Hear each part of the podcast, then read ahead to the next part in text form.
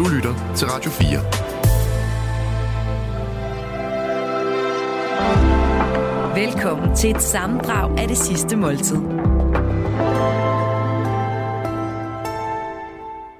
Det er blevet tid til endnu et highlight af det sidste måltid. Mit navn det er Kasper Isgaard, jeg producerer normalvis programmet, og hvis du ikke kender konceptet for det sidste måltid, så er det faktisk lige ud af landevejen. En kendt person vælger som personen vil have til sit sidste måltid, en forret, en hovedret og en dessert, og så inviterer Lærke Kløvedal person ind til det her måltid, som de spiser sammen, samtidig med, at Lærke læser den her persons nekrolog op, og skrevet ud fra, hvis nu personen ikke var længere i morgen. Og jeg har fundet tre tidligere gæster frem. Vi skal have en forret, en hovedret og en dessert med tre forskellige gæster. Og jeg synes egentlig bare, at vi skal komme i gang. Fordi den første gæst, det er Mette Blomsterbær. Og hvad Mette hun skal have til sin forret, det kan du høre her. Det dufter Det med dufter. dejligt. Åh. Du dufter også dejligt. Ja, du dufter. det er blevet en ting i dag, Wow. Jonas. Du går her og dufter godt. Det er da Jeg ved fantastisk. heller ikke, det. Vi skal starte med en skaldyrspisk, mm-hmm. som du skrev til os. Det skal være en skaldyrspisk. Mm-hmm. Den skal være, det skal være let, mm-hmm. øh, men intenst. Ja. Øh, Lille og intens. Let og intens, Ja. ikke let. Mm. Så jeg har simpelthen valgt at lave det, der hedder en hummer corallin. Mm, Og, øh, det er selvfølgelig hummer, som spiller første violinen i, i bisken. Mm. Og så er den lavet med cognac og ristet tomatpuré. Den er meget sådan fransk klassisk. ja. Øh, og Ej. det er det, der slår øh, mig som mm. det mest sådan intense af, mm. af de bisker, der nu findes. Nej, hvor er det dejligt. Var det sådan, du selv havde forestillet dig det med det? Altså, jeg kan jo sige, det er jo, jeg er nødt til at hjælpe lytterne lidt, fordi hold nu magle, hvor det bare dufter fuldstændig sindssygt. Og det, det er jo lige præcis, altså for mig er det halvdelen nærmest den der, at nu sidder man lige og forventer noget, fordi øh, alle sanser går i spil. Ja, ja. altså det der, det, øhm, det der med intensitet og det der med smag, altså jeg har det, i virkeligheden så skal jeg ikke bede om ret meget. Jeg vil bare have lidt, der er, undskyld, pissegodt. Men var du helt nede i, øh, der var jo sådan en periode i, i, i, topgastronomien, hvor man nærmest øh, på alle restauranter, eller de fine restauranter, så fik man en smag på en ske. Mm. Var du helt dernede, eller er du glad for, at vi simpelthen har trods er på Altså, jeg, en er tallerken? også, jeg er også et lille madøre, ikke? Ja, så så det- det er ja. så fint. Men det er bare for at sige, det er meget vigtigere for mig, og det er det egentlig mange aspekter i livet. Jeg vil hellere bare bede om lidt af ja. noget, der er så rygende lækkert, og der er nogen, der har lagt lidt hjerteblod i, end et eller andet stort, voluminøst, øh, for det siger mig ikke en skid. Tak for hjerteblod, Jonas. Det ser Og hvad skal vi drikke? ud. Og, og til at drikke, det skulle være en, øh, en hvidvin, og gerne lidt, øh, lidt tør, Ja, øh, eller til den tørre side, Ja. om ikke andet. Mm. Så jeg har valgt den her, det er godt nok en Puy mm. øh, men det er på en, en Sauvignon Blanc. Mm. Så den er, sådan, den er sådan til den syrlige og til den lidt tørre side. dejligt. Ej, hvor er det lækkert. Velkommen. Tusind tak skal tak. du have. Mette, spis videre, og så begynder jeg at læse din nekrolog op. Ja. Når hele Danmark uge efter uge stemlede sammen for en skærm for at se glade amatørbagere folde sig ud i den store bagedyst, var det i mange år Mette Blomsterbergs hårde, men retfærdige domme, de glædede sig til. Mette Blomsterberg udvidede sproget og fik os til at bruge begreber som skarpe snit, perfekte afbaninger og ikke mindst flot sprøjteteknik, når vi selv gik i køkkenet derhjemme. Mette Blomsterberg var både før og efter sine seriesucceser mere end bare tv-kagedommer. Hun var en passioneret og ualmindelig skarp konditor med en uknækkelig stræben efter perfektion. Så er vi ligesom i gang. Ja. det er så sjovt, fordi jeg har aldrig sådan... Øh, jeg har egentlig aldrig syntes, at jeg var skrab. Eller hård. Men, men selvfølgelig er man det jo, fordi ved du hvad, det jeg er, det er, at jeg er hudløs ærlig. Øhm, og jeg har altid haft det sådan, at når man bliver hyret ind til at være dommer i noget, så er man det ærligt og med hud og hår. Altså der kan man ikke, og jeg kan bare fortælle dig, sådan en helt hånd på hjertet, det er hamrende hårdt at være ærlig dommer i sådan en dyst. Øh, fordi der står helt rigtige dejlige mennesker over for dig. Og, og, Har gjort sig umage. og, og har offret alt. Altså som i alt. Øh, og det, er jo, det, det, det skal man jo heldigvis glemme, mens man står der, fordi det er jo ikke det, det handler om. Men den respekt kommer jeg aldrig til at, at kunne løbe fra. Altså, så jeg vil altid altså, stå der med respekt og have min faglighed. Altså, der er jo for pokker bare konditor, der skal øh, vurdere tingene. Og det, og det ærlighed er jo også nogle gange en, en øh, sådan lidt rå øretæve. Det kan det jo være. Hvor overraskede det- det dig, at det var noget, øh, danskerne, folk tog så øh, varmt imod? Øh, e- e- egentlig ikke, altså fordi jeg var ret sikker på, at, at det ville blive sådan smittende, fordi jeg var, jeg var selv simpelthen bare helt vild med det, da vi først kom i gang med det, fordi faktisk øh, var det sådan, at jeg sagde nej til at være dommer øh, de første to gange, det jeg spurgte. Og det gjorde jeg, fordi at jeg, øh, jeg, jeg fik jo de engelske formater at kigge på, øh, og jeg synes simpelthen, at, at det, og sådan er det ikke mere, heller ikke de britiske formater, men, men det var det som start, der synes jeg simpelthen, det var fra Gordon Ramsay-agtigt. Ikke et ondt ord om ham, men det var alligevel et, en måde at kommunikere på. Jeg synes, det var for hårdt. Det var for sådan... Øh, øh, for i rettesættende, og du ved, hvordan tror du selv, man skal kunne spise den kage? Eller du ved, hvor jeg tænkte, nej, sådan kommer jeg aldrig til at formidle. Og der troede jeg faktisk heller ikke på, at danskerne ville kunne lide at høre på det. Øhm, Altså, der var også en, måske en glædesløshed, eller hvad? jeg, jeg synes, det var for hårdt, de, i hvert fald de første engelske programmer. Øh, og der, det, det synes jeg simpelthen ikke var dansk. Og det var i hvert fald, så kan man sige, det er der så meget, der ikke er, men det var ikke noget, jeg kunne se mig selv i, øh, øh, hvor at man i rette sætter mennesker på sådan en hård måde. Det, det var jeg ikke vild med. Jeg har ikke intet imod at være ærlig, men man skal tale pænt, og man skal have respekt. Øh, så, så, så derfor så gik vi lige nogle veje med DR, øh, og vi endte jo så med, at jeg faktisk var øh, konsulent på den store bagdyst, så jeg ligesom også havde et ord med i spillet om, hvordan skal de her programmer udvikle sig, som i øvrigt gav mig selv enormt meget, men også så, så jeg ligesom vidste, at jeg kunne stå der helt og på begge mine fødder og være stolt og glad. Øh, og, og det synes jeg virkelig var fedt, at vi fik gjort det til et, altså, en dansk, den store bagdyst. Øh, og det, det lever jo glad videre, og det er jo simpelthen bare så dejligt at se. Det er vildt, at det er blevet så stort. Jeg fortsætter her. For de fleste danskere blev Mette Blomsterberg først en del af deres bevidsthed, da hun i 2010 tonede frem på skærmen som vært på Det Søde Liv. Men fagligt herskede der aldrig tvivl om Mette Blomsterbergs talent og vilje til succes. Hun blev udlært konditor fra Kransekagehuset øh, på Ny Østergade i København i 1990, mm. og blev derefter chefkonditor på øh, den kongelige skydebane Søløst. Allerede som 22-årig vandt hun bronze ved konditorverdensmesterskaberne i Lissabon, og i en alder af 25 blev hun chef for pakter øh, af Glyptotekets Café i Palmehaven. Hva- Hvad var konditorverdenen for et sted at være, da du startede? Åh oh, ja, altså jeg, mm, jeg, jeg tror, jeg må, jeg må konstatere, at jeg har været heldig, fordi da jeg øh, i en alder af 16 år kommer i erhvervspraktik som konditor, øh, der kan jeg bare mærke, at det, det, det er fuldstændig ligesom at være derhjemme på en eller anden led. Øh, det er både noget med det der faglighed, og det der øh, en palle med æg, og Altså størrelsesforholdet? Øh, ja, alt det der. Nå, det var bare så råt på en eller anden måde, ikke? og der var mel på gulvet, og store bagersvende, og du ved, altså det var bare, det var bare ufint på alle mulige måder, for man skulle præstere til tiden, og man skulle arbejde hurtigt, og man skulle helst også være lidt rap i replikken, og lidt hurtigt på hænderne, og Øhm, og, så, og så den der forfinethed, og det der produkt, der kom ud af det, og de der mennesker, der måske hentede en kage, som var lykkelige. Altså det var sådan helt, jeg starter med en pus muljord i form af nogle æg og noget mel og noget, og så lægger man en masse øh, øh, energi i det, øh, og man er faktisk et team, der gør det. Og så derude i den anden ende, så får man finuret det færdigt og gjort og nusset og nipset, og så gør det nogle mennesker glade. Det var, det var sådan en ret fed rejse, og det forelskede jeg mig simpelthen hovedkulst i. Jeg passede på en eller anden måde bare skide godt ind i det der. Øh, så det blev min hylde. Så for at være ganske ærlig, så kører det tog, fra jeg kommer i lære i Kransekagehuset hos Jørgen Søgaard og Bodil, så kører mit tog bare, jeg tror som en elitegymnast eller et eller andet, der træner, der står op om morgenen og tænker, jeg må hellere huske at få et stort glas vand og, et, og en dobbelt skive robrød med en skive ost, fordi jeg får nok ikke noget at spise resten af dagen.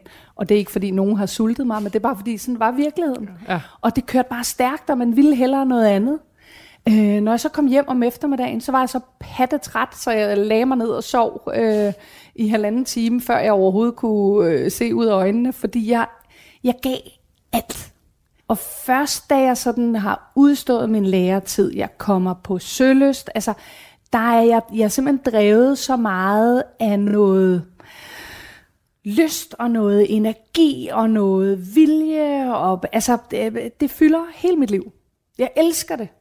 Øh, og det er ikke det samme, som der ikke er møgdage, eller jeg var træt af det indimellem, eller jeg synes, det var for hårdt, eller jeg blev ked af et eller andet. For det var der masser af. Men grundlæggende var jeg bare indstillet på at køre én vej, og det var, at jeg ville blive rigtig dygtig. Jamen, det er også fordi, at det er, det, er, det er jo også et af de fag, hvor der er så ekstremt mange teknikker. Jamen, det er faktisk rigtigt, og det er måske er det i virkeligheden der, min fascination ligger, fordi det, og det er derfor, jeg kan også blive sådan helt ked af det, når nogen siger, ej, jeg vil simpelthen så gerne være konditor, fordi jeg er mega god til at pynte kager, hvor jeg tænker, åh, lille skat, altså, der er sgu lang vej, søde, fordi der, du skal godt nok lave mange lavkagebunden, øh, og skure mange gulve, og tage, ligge med en øh, skrabejern, og, og tage snavs op af gulvet, inden du går hjem, og altså, det er jo mange ting, Øhm, og det kan man sige, det finder de ud af, men jeg synes bare, det er lidt ærgerligt, hvis man misforstår faget, og tror, at det kun er så. Og det kan man sige, det er bagedysten jo, er jo selvfølgelig på ingen måde professionelle folk, men man får jo lidt den der rosenrøde, godt nok stresset og alt muligt, men du tænker, ej, de, skal, de har fire timer til at lave en kage. Men sådan er virkeligheden altså ikke ude i et bageri, vel? Det er den altså ikke. Der skal du måske, altså, du har måske lavet 1500 kager, inden du går hjem øh, på en arbejdsdag, ikke? hvis det kan gøre det. Og gjort klar til 600 til i morgen. Så, så det er, og det er ikke, fordi det, det synes jeg faktisk er smukt og mega fedt. Men det er en helt anden virkelighed. Det er også et volumenarbejde. Det er det.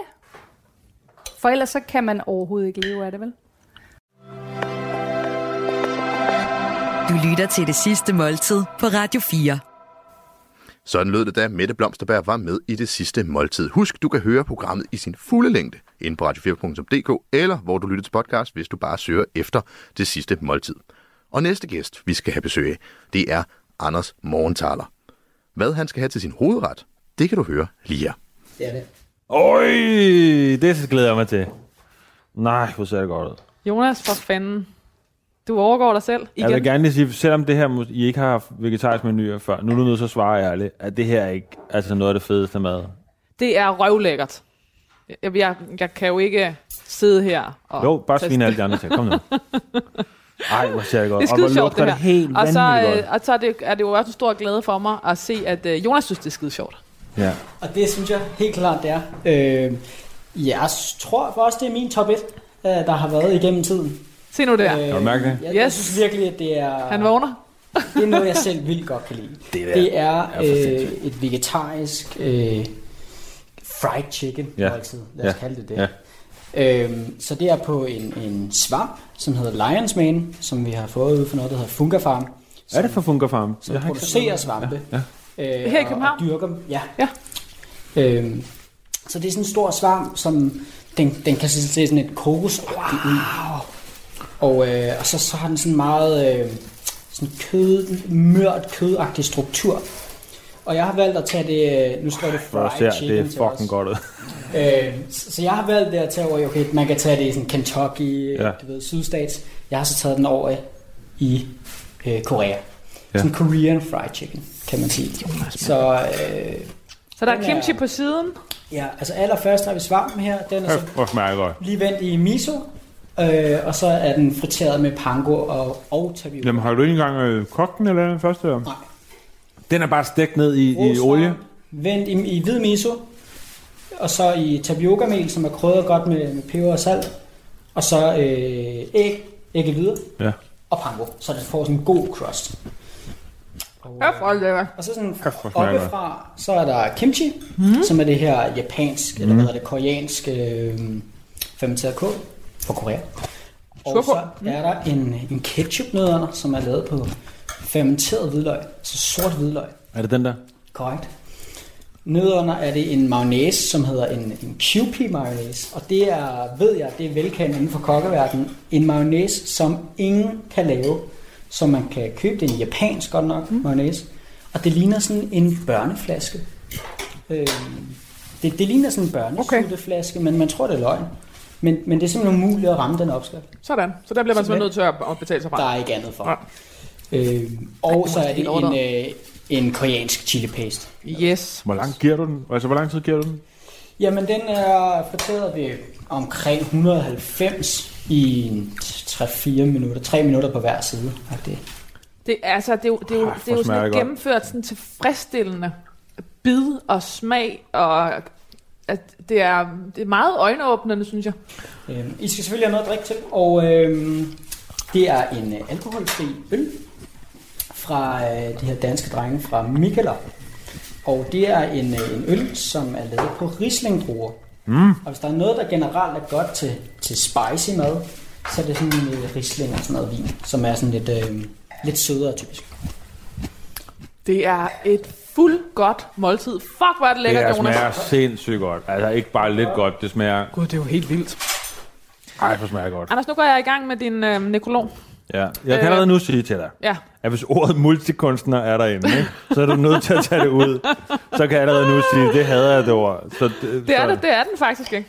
Sådan. Øh, Tak, Lærke. Der står, øh, og det er to overskrifter, der allerede er skrevet om dig. Nu får du dem begge to som overskrift. Mhm. Mm-hmm. Den ene hedder, han udforskede de ekstreme rum med ekstreme eksistenser. Det er jo selvfølgelig primært om, det handler jo primært om dine karakterer, din, dit, dit univers. Og så er der en anden en, som er fra din 40-års øh, fødselsdag i politikken, som simpelthen hedder uden for pædagogisk rækkevidde. Den synes jeg er federe. Mm. Den kan jeg godt. Altså, er det reelt øh, titler på en nekrolog, du foreslår? Mm. Den første var, var det ikke kedeligt, var den ikke? Der går man ligesom ud med... Pff, Han udforskede de ekstreme rum med de ekstreme eksistenser. og Uden folk, for- nej, nummer to er federe. Uden for pædagogisk rækkevidde. Det var Søren Det synes er Vinterberg. Søren Vinterberg, der skrev sådan om dig i, øh, i politikken. Godt, den snupper vi. Så hedder den øh, øh, tegner, satiriker, forfatter, tv-vært, samfundsdebattør, forretningsmand, filminstruktør, klimaforkæmper, grøn friskolestifter, Anders Morgenthaler er død. Oh. Hvorfor åh? Altså, udover du er død. Men er det ikke bare fordi, det, det skulle være vildt kedeligt, vi skal afsted. Jeg vil jo pisse gerne se, hvordan det her ender. Altså lykkes det os at vende det her øh, modsat alle andre civilisationer, der har været før os, ikke? Det vil jeg gerne se.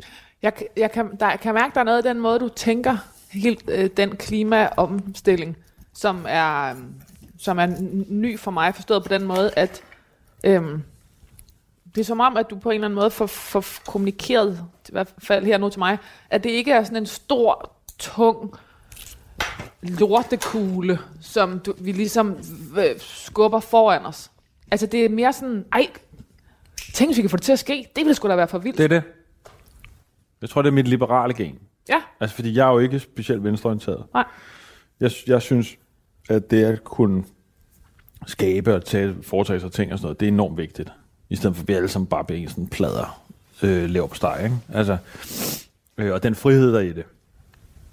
Så jeg er sådan en øh, socialliberalist på en eller anden måde, ikke? Øh, så jeg så ret hurtigt det her, og tænkte jeg, okay, det her, det synes jeg, jeg kunne godt tænke mig at lave forretning, der ikke handlede om film. Fordi det, også jeg var i den der tilstand af, det er jo sådan gentagende, det føles gentagende det hele, ikke? Mm. Og der har jeg hele tiden tænkt, jamen jeg vil også gerne noget andet, og jeg vil gerne noget, netop det der med at sige, jamen altså vi har alle de her store hjul, der skal skiftes, på den måde vi er på. Så i stedet for at sidde og sige, at alle skal rejse anderledes, så tænker jeg, så er sådan middag med en masse rige mennesker og noget andet, så tænker jeg, hvorfor laver vi ikke bare et grønt rejseselskab? Altså, hvorfor laver vi ikke bare et rejseselskab, som enten er andelsbaseret, det viser sig, at det også skulle for svært, fordi så skal man bruge så meget tid på alt det. Så. Men hvorfor laver vi ikke et øh, grønt rejseselskab? Og så har jeg bare fundet ud af, at hvis man siger det højt, mm og, og hvis jeg går rundt og siger, hvad folk spørger, hvad du laver, Nå, men jeg går og planlægger at lave et grønt rejseselskab, så er det ligesom forpligtet over for sig selv, mm. at sige, jamen, så er man nødt til at finde og så snakker jeg med min ven Rasmus, som har øh, øh, andelsgårde, han, og som jeg er kampagnechef i. Og så siger han, hey, du skal møde Christian. Og det viser sig, at Christian, jamen, han har lige forladt sådan noget rejsebranche almindeligt, og, og er fuldstændig klar på, at vi kun sælger bæredygtige rejser. Rejser, hvor man kan køre hen med tog og nattog, og oplevelsen i det, og partner kun op med steder, som er gennemført med på den bæredygtige agenda. Så havde vi sgu solgt for en halv million skirejser til nogle bestemte hoteller i Aarhus og alt muligt andet, og sådan noget med nattog og sådan noget. Og så kom corona. Men det er noget med at skabe det, i stedet for, altså, øh, øh, det lyder, det lyder, øh, hvad skal jeg sige, det har en anden klang, når man siger profitere på øh, omstillingen, men, men, øh, men hvad skal man sige, altså det, det, det er vel også det, altså, hvorfor ikke? Jeg har altid gerne vil være rig. Fordi hvad, Altså, kan, hvad kan man, når man er rig, eller hvad, hvorfor vil du gerne være rig? Jeg har altid gerne vil være rig for, at, øh, for de muligheder, der er i rigdommen.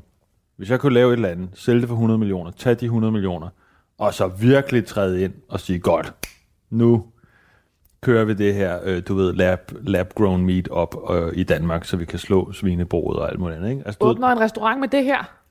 jeg tror helt seriøst, efter jeg har smagt det her, jeg tror, der er mulighed for at lave en vegetarisk baseret fastfood øh, chain, der laver sådan noget her. Okay, Anders. Øhm, jeg fortsætter sådan her. Anders Morgenthaler sat gennem en menneskealder øh, satirisk dagsorden med den umage blanding af død, klima, sex, religion, lort og røv. Og altid med en særligt morgenthalersk overbygning af filosofi, politik og poesi.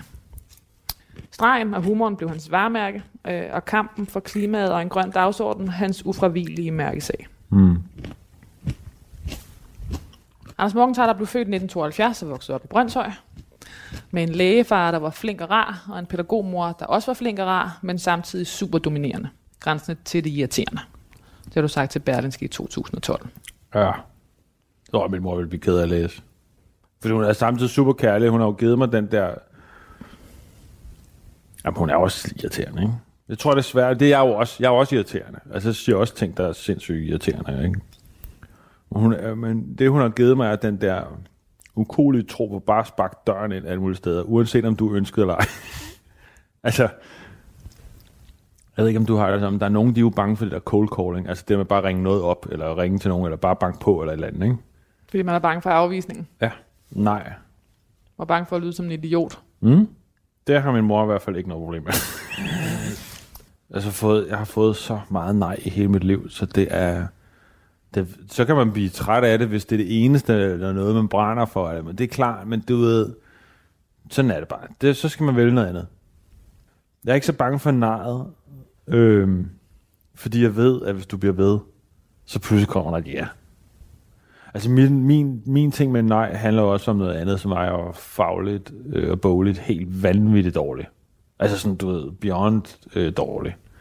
Kunne først læse det, jeg gik i start 7. klasse og sådan noget. Ikke? Altså, du ved, hvor folk vil tænke, fuck, det der, det ender i hasmisbrug og et eller andet, eller små kriminalitet eller sådan noget. Ikke? Så, så jeg har jo bare været, altså så på et tidspunkt, så, når du ligesom er så dårlig til alt, mm. så er du ligeglad med nej. Som dreng var han larmende og urolig, og havde det været i dag, havde han med egen ord været kandidat til en omgang ADHD-medicin for at dæmpe dampen. Han var klassens lange og tynde klovn med tykt hår og store briller, ham der altid var sjov, for at få opmærksomheden væk fra, at han ikke kunne en skid, udtalte han i et interview i Berlingske 12. Det var ikke før i 6. klasse, at han lærte at læse. Til gengæld kunne han tegne, og det blev hans overlevelse. Han tegnede krigsskibe og avancerede våbensystemer til klassekammeraterne, der rent faktisk hed Kenny, Ronny og Henning. Det gjorde de. Det hed de. Og Heino. Og Heiner. Og Brian. Men du tegnede. Du tegnede øh, ligesom... Øh, Total overlevelse. ja, Hvis du ikke det, tegnede, det var du god til. Ja, hvis du ikke tegnede det der, Mm. og du ikke kunne noget andet, så fik du bank eller bemobbet, ikke? Så det galt bare om at tegne på Men det virkede, at de gad godt, at du, at du De synes, det var fedt, mand. Ja. Jeg kunne finde på alle mulige ting til dem, ja. som de ikke selv kunne, ikke? Um, ja, ja, altså... Jeg har jo ikke ADHD, så det, jeg, jeg håber ikke, at det er ligesom... For, altså, ligesom, du ved, taler mig op diagnosemæssigt. Øh, jeg tror mere bare, jeg er super følsom og sådan... Øh, du ved... Øh, øh, nogle større, lidt større udsving følelsesmæssigt. Ikke? Altså, når du er ked af det, du er lidt mere ked af det. Så sådan en eller anden form for maniskhed, som ikke, ikke er diagnoseberettiget på nogen måde. Altså, jeg er vokset. Det, ved, det, har, det, det her, det ved min mor og far godt. Det kan godt være, de bliver ked af det. Øh, men de har fået det at vide. Og det er en ting, jeg har sagt, og er i familie. End de er sygeligt dårlige til at lave mad. Altså, som i helt vanvittigt dårlige til at lave mad. De havde ikke særlig mange penge, og vi var tre børn, så det, det der, og det, de, specielt mine brødre, spiser, spiser fuldstændig sindssygt meget mad, altså. De var sådan nogle ishockeyspillere, professionelle, øh, allerede da de var, eller sådan, du ved, elitespillere allerede da de var unge, ikke? De spiste så meget mad, man slet ikke fattede, ikke? Så du ved, så, så, og det var jo sådan noget med, så fik du sådan, du ved, knoglerne, hvad er det, de hedder, de der restknogler? Altså noget revsben, Stegeben, eller- stegeben. ja. Det er jo ikke stegeben sådan udskåret som i dag. Det var bare rester af knogler ned i sådan øh, nogle store, og så ind i ovnen, ikke? Og så sad du der gnavet i det der ben. Ej, det var så hulemandsagt, at du slet ikke fatter det, altså. Super dårlig mad. Og så sad du der med din følsomme streg ved siden af. Det var de sgu ligeglade med, altså. Det var kun min farfar. Og min, min mor synes, det, det var fint, jeg var øh, tegnet og så dejligt, men hun var super bekymret for, at jeg ville ende i hunden og alt muligt andet. Ikke? Øh, det var kun min farfar, som, var sådan, øh, som virkelig var et sindssygt væsen også, ikke? fordi han var den yngste doktor med nogensinde, og var, havde været den, der bragte sådan noget hornhindtransplantation og sådan noget til Danmark, og trykket paven i hånden og alt muligt andet, ikke? Han sad bare der i sin stol og så tennis og sagde til mig, det du kan, det er godt, det skal du blive ved med. Han sagde bare, du skal være ligeglad med, hvad alle de andre siger. Du skal bare gøre det der. Det var som at blive kysset i panden. Altså, det er jo Fuldstændig. fuldstændig afgørende. Fuldstændig Altså, afgørende. der- Det var totalt afgørende. Og jeg kan huske, at min mor og far, de faktisk var sådan irriteret på ham nogle gange, fordi det er jo ved Gud ikke ønskværdigt at opfordre til at få et kunstnerisk liv, hvis du vil gerne have alle de samme goder som andre. Ikke? Hvis du vil have de samme goder som andre og være kunstner, så er det super dårlig kombi. Det er, ikke? et, det, man giver sin, eller, det er et usikkert liv. Altså, jeg, jeg har altid været god til at tjene penge på det, faktisk. At med, tænker mig- med venstrehånds humortingene, eller hvad? Nej, det var bare, altså, jeg kom ud af gymnasiet med et snit på, man dumper, når det er 6,1 eller 2. Jeg havde 6,3 eller 4 eller sådan noget, ikke? Så jeg kommer ud der, og så fordi jeg havde tegnet skolebladet, så var det en, ham, der lavede Hugo Skærmtrollen. Han havde set det og sagde, hey, var, han tegner sgu da fedt nok, han kan nok sikkert godt lave noget sjovt med Hugo. Så fik jeg faktisk job efter et halvt år. Fuldtidsløn. Altså så sådan noget 25.000 om måneden. What? Dengang var fucking mange penge. Og du var 19 år gammel, ikke? Alt blev brændt du, af, du ikke? udkom, Alt og du brændt af. udkom hver uge i elevatoren med Hugo. Ja, ja, så det var, sådan, det var et ret vildt job faktisk at få. Der er lige en, øh, der er lige en, hvad hedder det, en bisætning på hele den her, øh, øh, hvad hedder det, barndoms øh, Ishøj, Brøndshøj, øh, Husum. Husum. Ja. Meget langt fra Ishøj. Øh, selvom begge forældre øh, viste, at de... Øh, det, den kommer, vi kommer fra den her. Til gengæld kunne Mm. han tegne, og det blev hans overlevelse. Han tegnede krigsskiber og avancerede våbensystemer til klassekammeraterne, der rent faktisk hed Kenny, Horny mm. og Henning. Og selvom begge forældre viste, at de elskede ham, så var der hele tiden en konstant følelse af en grundlæggende usikkerhed og utilstrækkelighed, som i lange perioder gik direkte over i tristesse og sortsyn. Anders Morgenthalers far var ikke hans biologiske far, men adopterede ham, da han var lille. Mm. Og så har du sagt, så uanset hvor meget mine forældre gav mig kærlighed, så forsøgte jeg at flygte fra den usikkerhed, som udsprang af, at jeg ikke synes, jeg hørte helt til, fordi min far ikke var min biologiske far. Mm. Ja. Hvor, øh, hvad, hvor, er din, eller hvor, blev, hvor er din biologiske far? Jeg ved det ikke, Han, faktisk. øh, Altså, altså... Øh, jeg skal lige sige til det der, som er ret vigtigt pointe, synes jeg. Det er jo, det er jo sådan noget velsmert, man har som ung. Ja, Fordi øh, Carsten, som er min far, elsker jeg utrolig højt, og han var virkelig en god far. Han var virkelig god til at vise, at jeg elsker dig lige så højt som de der to identiske mennesker, jeg har lavet herovre ved siden af, ikke? som er mine tvillingebrødre. Du lytter til det sidste måltid på Radio 4. Sådan lød det, da Anders Morgenthaler var med i det sidste måltid, og fik i hvert fald en tredjedel af måltidet. Du kan gå ind og finde programmet i sin fuldlængde ved at søge på det sidste måltid, hvor end du nu lytter til podcast. Og vi er også derved nået til desserten i den her highlight-udgave. Og den person, der skal have en dessert, det er Rasmus Bjerg. Og vi kommer ind i samtalen en lille smule før, at desserten kommer på bordet. Hvordan det egentlig lyder, det kan du få lov til at høre lige her. jeg har interviewet dig for nogle år tilbage, Ja. ja. hvor du stod lige foran øh, øh, John Monsen-filmen. Ja, Øh, og jeg husker det ikke som om, du sagde det modsatte, men jeg, jeg husker i hvert fald, at den øh, dedikerethed øh, var, en, var en, måske ikke var så tydelig. Ja. Ja. Altså, var der, noget, var der noget ved, ikke dedikerethed til faget, men, men en, en retning? Ja. Er der, er der noget, Ja. ja. der har ændret sig efter John Monsen-filmen? Ja, det, det er der, og, og jeg er ligesom også kommet øh, øh, øh, øh, til den.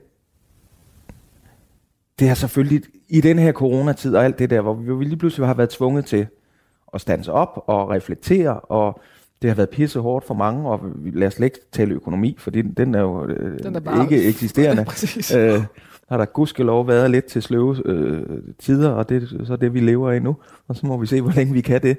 Men, men, men, men, men øh, det har der i hvert fald tvunget mig til at se med Gud, hvad er det, jeg jagter hele tiden? Det er jo lidt den der med, øh, øh, summen af arbejde var lige med summen af succes for mig i mange år, ikke? Altså, øh, og grådighed i, for øh, ikke at kunne få nok. Og det gælder tænk vi det, det slår mig bare, at vi er selvfølgelig et af de rigeste lande i denne her verden, og det, der tager livet af folk, det, det, det er jagten efter mere, øh, og, og, og øh, vi falder døde om med stress, og den mentale sundhed øh, kunne være den bedste i verden, og det, det vil tro, den er øh, meget ringe.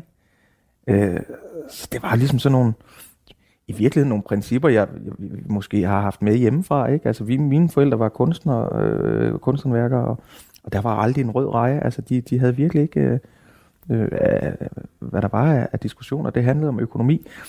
Og, og sådan har jeg jo tænkt, i hvert fald, sådan vil jeg da håbe, det aldrig blev, når jeg engang øh, blev voksen og satte nogle børn i verden. Så jeg tror også, ud fra det, hvor det ligesom fik succes ret hurtigt, så jagtede jeg også mere, ville have mere, og jeg skulle i hvert fald ikke, og derfor begyndte jeg at snakke om, jeg er min egen købmand, og det er forskellige varer på hylden. Altså ligesom materialiseret mit fag på en eller anden måde. Øh, øh, og og øh, det har jeg brugt meget krudt på, og det tror jeg også, det skal jeg stoppe lidt med. At bruge så meget krudt på at, at jagte det, der, det giver ingen mening. Det bliver indholdsløst for mig dybest set. Jeg skal ligesom, øh, det, er jo en, det er jo et eksklusivt fag på, på den måde at forstå, at, at øh, jeg vil virkelig gerne nyde at, at bruge den tid og de kræfter, der skal ind i nogle færre projekter. Og så kan det da godt være, at jeg tjener færre penge, så so, so what? Vi står, Men det er da også en kæmpe stor beslutning. jamen det er det. Og, og, og et, øh, sådan et helt ændret øh, mindset. Ja. Jamen det er meget, meget mindsetet, det, det handler om, synes jeg. Og, hvor, altså, Det og, og hvad, hvad er det, man kan sige, du lider under det, under, fordi vi har corona nu, Ja. men, men, men det var en beslutning, du havde taget før. Ja, det har jeg taget før. Og så havde det jo været oplagt at, at, at, at sige ja til nogle af de der ting, som... Men jeg havde ligesom taget den beslutning, nu vil jeg, nu vil jeg holde hestene. Og hvad fik dig til at tage den beslutning? Jamen, hvad skal man sige med, med John Mogensen-filmen, så tænkte jeg om fedt, her, her får jeg endelig et eller andet form for gennembrud, som, som ikke er øh, øh, komedie og morsomt og sådan noget. Så, så tænkte jeg, om i kølvandet af det kunne det jo være, at der ligesom er nogen, der, der, der ser på mig på ny, med nye øjne og, og vil bruge mig i, i nogle andre sammenhænge end dem, jeg, jeg har været dybt taknemmelig selvfølgelig over, og alt det sjove, jeg også har lavet, men nu synes jeg bare også, det er ved at være på tide, at, at jeg skal genopfinde mig selv som, som dramatisk skuespiller på en eller anden måde.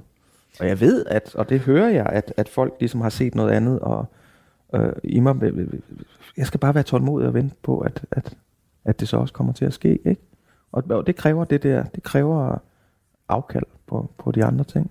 Så jeg ligesom også sender det signal ud i verden, at øh, jeg tager sgu mig selv alvorligt. Og hvis jeg gerne vil have, I også gør det, så, så må jeg jo vise, det er det, jeg gør. Men med det sagt, så lyder det jo også som om, at det har været, det, det er sgu også, det må også have været et hårdt arbejde, og så faktisk udlægge dig selv som en, der havde alle hylder på varerne. Ja, Altså, Ja. øh, det er et ret stort ansvar, både at skulle kunne spænde fra øh, komedie til, til, til tung dramatik, øh, langt hen ad vejen forsørge en familie, mm. og ligesom hele tiden have den der med hjemmefra, der hed, øh, eller som en, en, en, en, et modtryk til det, du kom fra, der hed, jeg skal fandme ikke være den, der ikke har nogen økonomi. Jeg Nej. skal klare mig godt. Ja. Vi skal have det godt. ja. Jamen det har der været et, et når jeg tænker over det, har, har, det, har, har det været et, pres, jeg har lagt på mig selv, som har været meget tungt, meget, meget, meget, hårdt. Og det, det har også gjort mig følelsesløs, tror jeg, i, i perioder, i forhold til mit fag. Og derfor måske også, og med god grund, kunne jeg i perioder have virket uambitiøs, tænker jeg. Og du må have brugt utrolig mange kræfter på at få det til at se let ud. Ja, ja. Præcis. Men der tror jeg også, fordi jeg ligesom ikke rigtig havde hånd i mig selv, og det bliver dybt det her, kan jeg mærke. Jeg, har slet ikke, jeg, jeg, jeg, jeg kan, jeg har ikke sådan formuleret det før, men det, det, det kommer stille og roligt nu, hvor vi snakker, kan jeg mærke. Det er fint. Men, men, men, men øh, der var lå en, eller anden, der var, lå en eller anden form for indbygget lede ved mig selv, tror jeg. Over at gøre det der. Det strid, strid jo egentlig mod, mod, mod kærligheden til faget, eller hvad skal man sige.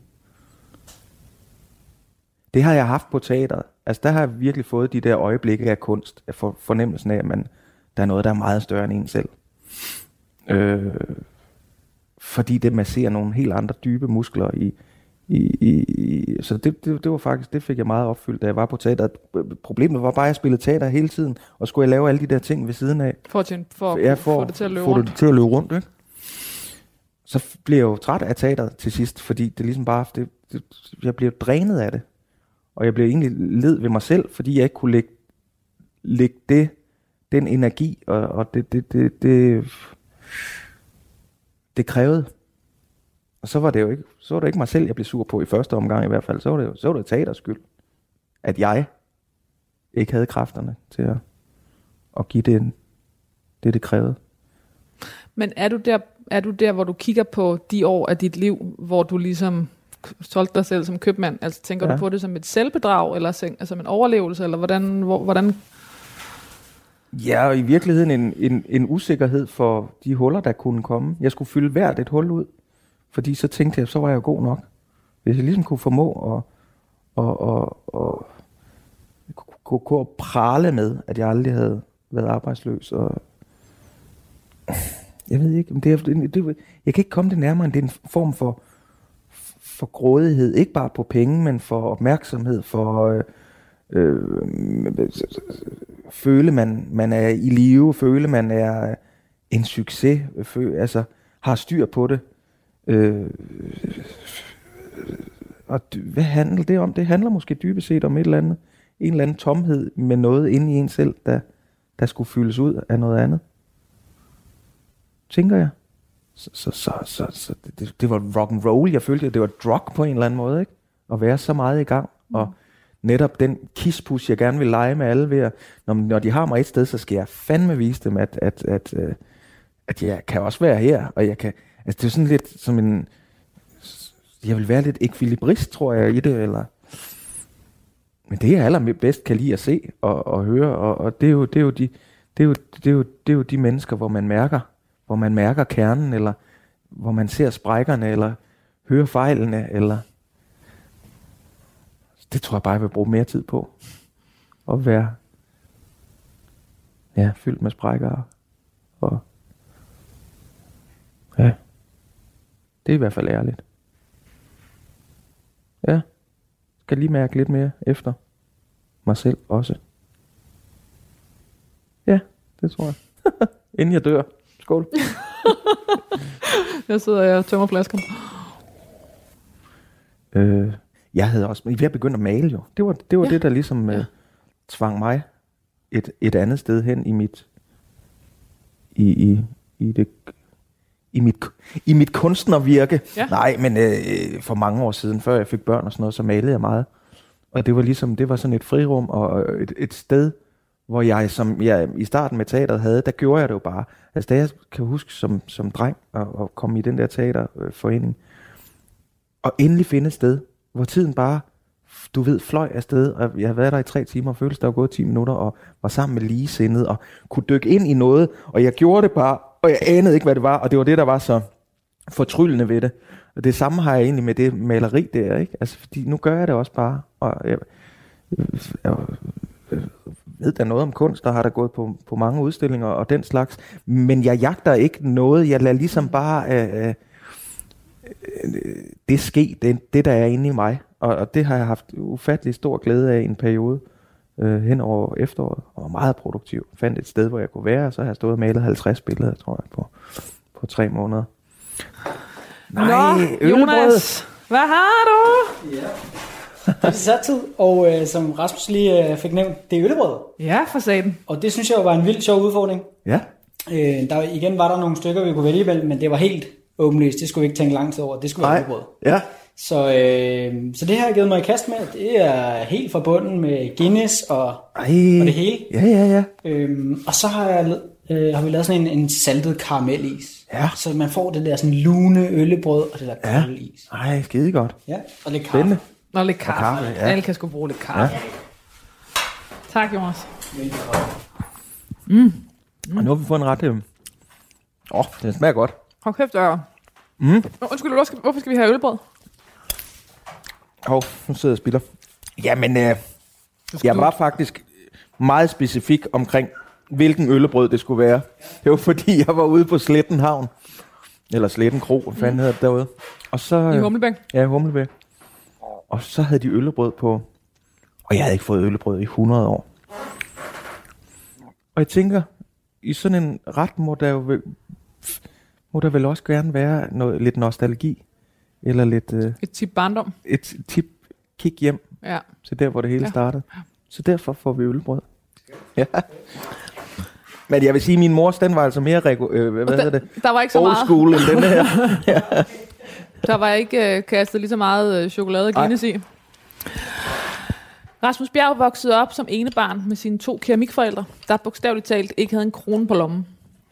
Han beskrev selv, hvordan dåser måtte tømmes for småmønter og flasker pantes, når der skulle købes ind. Og hvordan det af og til kom ned til en afgørelse om, hvorvidt den unge Rasmus skulle have en liter mælk, eller faren 10 røde Cecil.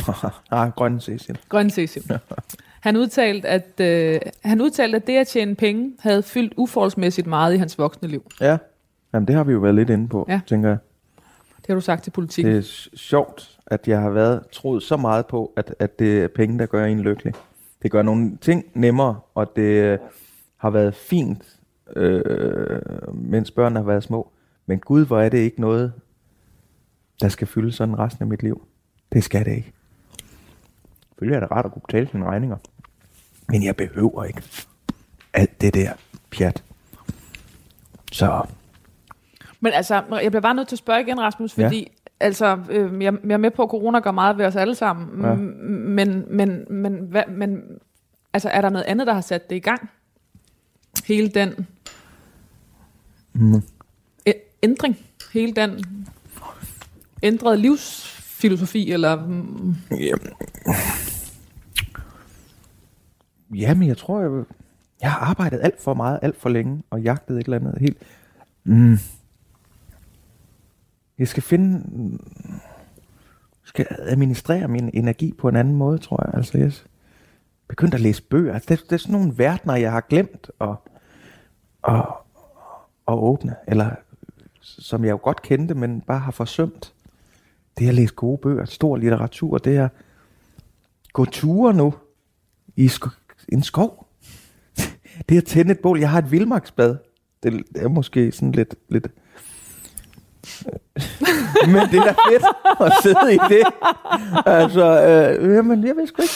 Der er en enkelhed, der er et eller andet, som dybest set altid har været mig. Men altså, hvad, hvad fanden er der sket på de to år siden? Jeg siden ved det ikke. Jeg, Jeg må være dybt dig? deprimeret. Det kan være, at jeg i virkeligheden øh, er i en kæmpe depression. Jeg ved det ikke.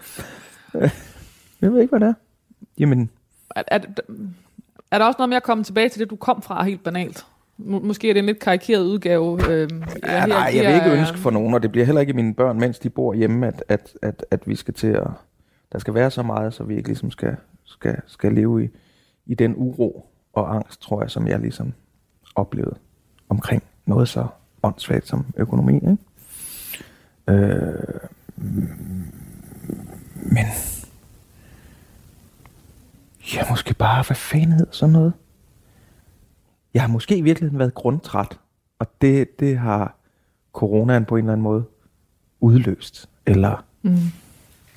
ja, Du, jeg, jeg får lyst til at spørge, er du blevet religiøs? Har du fået et hjertestop? Er der, nej. du ved... Jeg startede med at tabe mig. Jeg, tab, jeg troede, jeg skulle have et hjertestop. Jeg, altså, min fysik var simpelthen så elendig efter øh, John Mogensen-turen der. Jeg vejede 117 kilo og gik til lægen, og alle tal bimlede og bamlede. Og han konfronterede mig og sagde, du har fire børn, ikke? Jo, og din morfar døde af sukkersyge, ikke? Som 43-45-årig. Jo, det er rigtigt. Jeg havde fortalt mig sådan nogle ting der. Så den fik lige den store klinge. Så jeg må tabe mig, så tabte jeg mig jo Jeg tager mig 25 kilo, ikke? Ja. Det er meget. Ja. Ja. Og jeg tager lidt på igen. Det er corona. Men, men, men, men, men hvad skal man sige? Kroppen var så meget i ubalance øh, og i alarmberedskab på det tidspunkt. Og hvilket jeg jo så også var. Det hænger jo sammen, det skidt. Og det at ædeløs og gemme sig bag, øh, at tykke mennesker er sjove mennesker, altså det er jo også ligesom noget, der jeg har levet lidt af, eller gået lidt med, og joket jo med, at alt under 100 kilo var feminin. Der, alle, alle de der åndssvage ting, man nu render og siger. Men jeg kunne lige pludselig mærke, at, at, at hvis jeg skal blive her, og det skal være rart at være her, så skal jeg jo ikke dø af en blodprop lige om lidt. Og det potentielt, tror jeg, det lå lige for. Øh, Men, altså, jeg blev, altså, men er du deprimeret? Jamen, jeg kan ikke rigtig... Jeg, tror måske, jeg har været det lidt. Er det måske også lidt, men jeg tror mere, det, det, det føles som en sund depression, hvis det er en depression, det er. Så føles det sgu som meget sundt. Der er ligesom noget, nogle, der er nogle, nogle brækker, der er ved at falde på plads på en eller anden måde, eller som at træde et, et, et nyt sted hen i sit liv. Og det er også lidt, det er lidt så modigt, når jeg tænker over det. For det betyder jo, at, at jeg tager afsked med et eller andet, en eller anden udgave af mig selv, på en eller anden måde. Og derved er vi jo lidt nærmere, at vi ikke er her mere. Det, det, er, det er sådan noget. Hedder det midtvejskrise? Hvad hedder sådan noget? Hvad hedder den? Jeg ved sgu ikke, hvad det hedder. Og det er måske tilbage til det der øh, øh, antennebarn, der har brugt så fucking mange kræfter på at mærke, hvordan alle andre havde det. Og egentlig glemt selv at lige give. Selvom udefra set, så er det noget af det mest sikkert i mangens optik. Jeg får da rigelig opmærksomhed, og det er jo, han fører sig frem, og han har da... Men det er jo ikke mig, der gør det. Det er jo, det er jo, det er jo, det er jo den, jeg er professionelt, der får al den opmærksomhed. Og han er ikke, det er ikke nødvendigvis den, den samme. Og er det måske at skille de to ad, eller hvad? Er der Ja. også en øvelse i det? Ja, det er der. Det er der. Det er der. Men øh, jeg tror, det er alt muligt mærkeligt, der er ved at ske i virkeligheden. Jeg håber ikke, jeg bliver skilt. Det, ej, det, det, det har vi ikke planer om. Men, det turde jeg næsten ikke spørge dig. Nej, præcis. Nej, det, det vil være helt åndssvagt. Det vil ikke gøre noget godt for noget. Hvis bare vi kan udvikle os sammen, og det føler jeg da egentlig, vi, vi, vi gør og kan. Det er sgu meget sundt. Det har været sundt at, at, at have tiden og, og mærke, til at mærke efter. Være tvunget til det, det synes jeg. Ellers så er der bare fortsat happy-go-lucky-agtigt. Jeg slutter lige den her af. Den hedder Forældrene var stolte hippier, og der blev serveret rødbede og selleribøffer og blomkålsgratin. Jo ja, det skal vi ikke have. Det skal sidste- vi ikke have, Nej. mens Rasmus drømte om SodaStream og hvidt toastbrød med træstjernet salami. Men selvom det ikke var drømmen for en ung dreng at stikke for meget ud, så elskede Rasmus at underholde og kom tidligt til dramaundervisning. Her mødte han i en alder af 11 år sit livs kærlighed, Helle fra Persillevej, som han senere stiftede familie med. Sammen skabte de et liv fyldt med de rammer og borgerlige luksusgoder, han som barn kun turde drømme om. Ja. Ja. Det er for alt fra damerne, øh, den her sekvens her. Nå. Altså Rasmus, undskyld, jeg vil med at spørge om det, fordi jeg har hele tiden fornemmelsen af, at, jeg ikke kom, øh, at, det, at der er sket noget, som du enten ikke kan fortælle om, og så er det helt fair, eller som Ja. jeg bare ikke får let ordentligt efter. Altså, det, der er det, altså, øhm, øhm, Nej. det er da et kæmpe skift. Ja. Fordi det har jo også været en stolthed over at have det, Ja, ja, men... og også i, øh, i øh, din plus 25 kilo, øh, ja. i forhold til, hvor du er nu, en, øh, Ja. Ja, ja. Men jeg ved ikke... Øh... Det er vel bare så banalt, at, at, at det er sgu ikke der, lykken ligger, eller det er ikke, det, det er ikke der, den findes. men, men Den varmer Ja. lidt, øh, men, men der er ikke sket noget. Der er sgu ikke sket noget. Men altså, du Øh. har vel været til din læge før, hvor han har tidligere, hvor han også har sagt, nu skal du til at passe på. Altså, det, vil, det har vel ikke været fra den ene dag til den anden, at da du gik kom fra ham, at han sagde, Nej, men jeg kunne mærke, at jeg, jeg havde det skidt på en anden måde. End, ja. Du skulle også være John Mogensen. Jamen det skulle jeg, og der, så skulle jeg ud og spille det bagefter, og så kunne jeg jo, øh, øh, det gav jo god mening for mig, så ligesom bare at, at fortsætte den der, den der livsstil, der er forbundet med det, og bare lade stå til. Øh, nej, men jeg vågnede, jeg vågnede øh, øh, øh, på et tidspunkt, og der, og så troede jeg, jeg havde fået en blodprop. Jeg troede, jeg troede der, var, der var noget helt galt. Det har været noget stress af en art. Det er der ingen tvivl om. Men der bliver jeg sgu bange for det. Jeg bliver virkelig bange. Og jeg tror også, jeg havde lige, jeg var ved at passere den alder, min morfar døde i. Ikke? Min mor mistede sin far, da hun var 6 år. Jeg kunne bare se, min far har haft en blodprop i hjernen. Jeg kunne bare se, det, det, det, nu, det, det, det, det kommer altså til at ske, hvis du ikke så... Den historie bliver forskrevet ja. nu. Hvis, og øh, så bankede han lige op på fuld skole der, ikke? Og så, så var der ikke så meget at rafle om. Så, så må vi så må vi videre. Eller gøre det ordentligt. Det er jo en syret fornemmelse, at jeg startede med at, øh, at give dig nogle, og, og, helt op i overskriftsniveauet, sige, jeg har faktisk lidt svært ved at finde ud af, hvad jeg skal skrive, fordi at du rummer så, eller du, du øh, spænder så bredt. Øhm, og så her i slutningen af samtalen have en fornemmelse af, at du måske nærmest står mere tydeligt end nogensinde. Det er jeg glad for. Det er fedt. Men det er også den vej, det er det, jeg gerne vil hen. Det er nok nogle lag, vi er ved at skralde af nu, tænker jeg. Så kan jeg for alvor nyde at være i det her. Ja. Det håber jeg, du har ret i. Rasmus Bjerg efterlader sig sin kone Helle og deres fire børn. 12 børnebørn og 12. 11 øh, øh, oldebørn. Æret være hans minde. Mm. Tak. Ja. Hvad skal der stå på din gravsten? Hvad skal der stå på den? Der skal stå... Jeg må bare blive ved med at søge. Eller hvad? Øh, bare øh, et langt sejt træk. et langt sejt træk, ja. Ej, Rasmus, jeg har simpelthen, jeg har det sådan, jeg har, jeg har det som om, at, at øhm, så må du komme ind igen om et år. Der er som om, der, der er virkelig mange ting, der lige ja. er, der er mange, der sker et eller andet. Så kommer jeg ind i coronatiden. ja, men jeg har, jeg har gang i alt muligt. Ja, præcis, ja, ja, når vi er færdige ja. med corona, så er det sådan... Øh, Nej, det tror jeg sgu ikke, det bliver. Det bliver det ikke. Det gider jeg slet ikke. Der er, der, der er sat nogle punktummer. Ja. Det vil jeg tillade mig at holde det op på til næste ja. gang, vi ses. Ja. Jeg kan nok leve op til det. Det lover dig. Rasmus Bjerg, tusind tak, fordi du vil være min gæst i det sidste måned. Jamen, tusind tak. Det var, det var faktisk en... Øh, det blev en meget større oplevelse, end jeg havde regnet med. Det var fedt. Tak for, for hjælpen. du lytter til det sidste måltid på Radio 4. Og således lød det, da Rasmus Bjerg blev lagt i graven, og vi har jo også hørt klip fra to andre tidligere gæster, der har været med i det sidste måltid. Både Mette Blomsterberg og Anders Morgenthaler. Og du kan høre alle klippene i sin fulde længde, eller mere end 100 andre gæsters sidste måltid, inde på radio4.dk eller i din podcast-app, hvis du bare søger på det sidste måltid. Mit navn det er Kasper Isgaard, og jeg er rigtig glad for, at du har lyttet med. Jeg håber, at du vil blive hængende, fordi der er meget mere god radio her på Radio 4, og det kommer lige her om et øjeblik. Tusind tak, fordi du lytter med.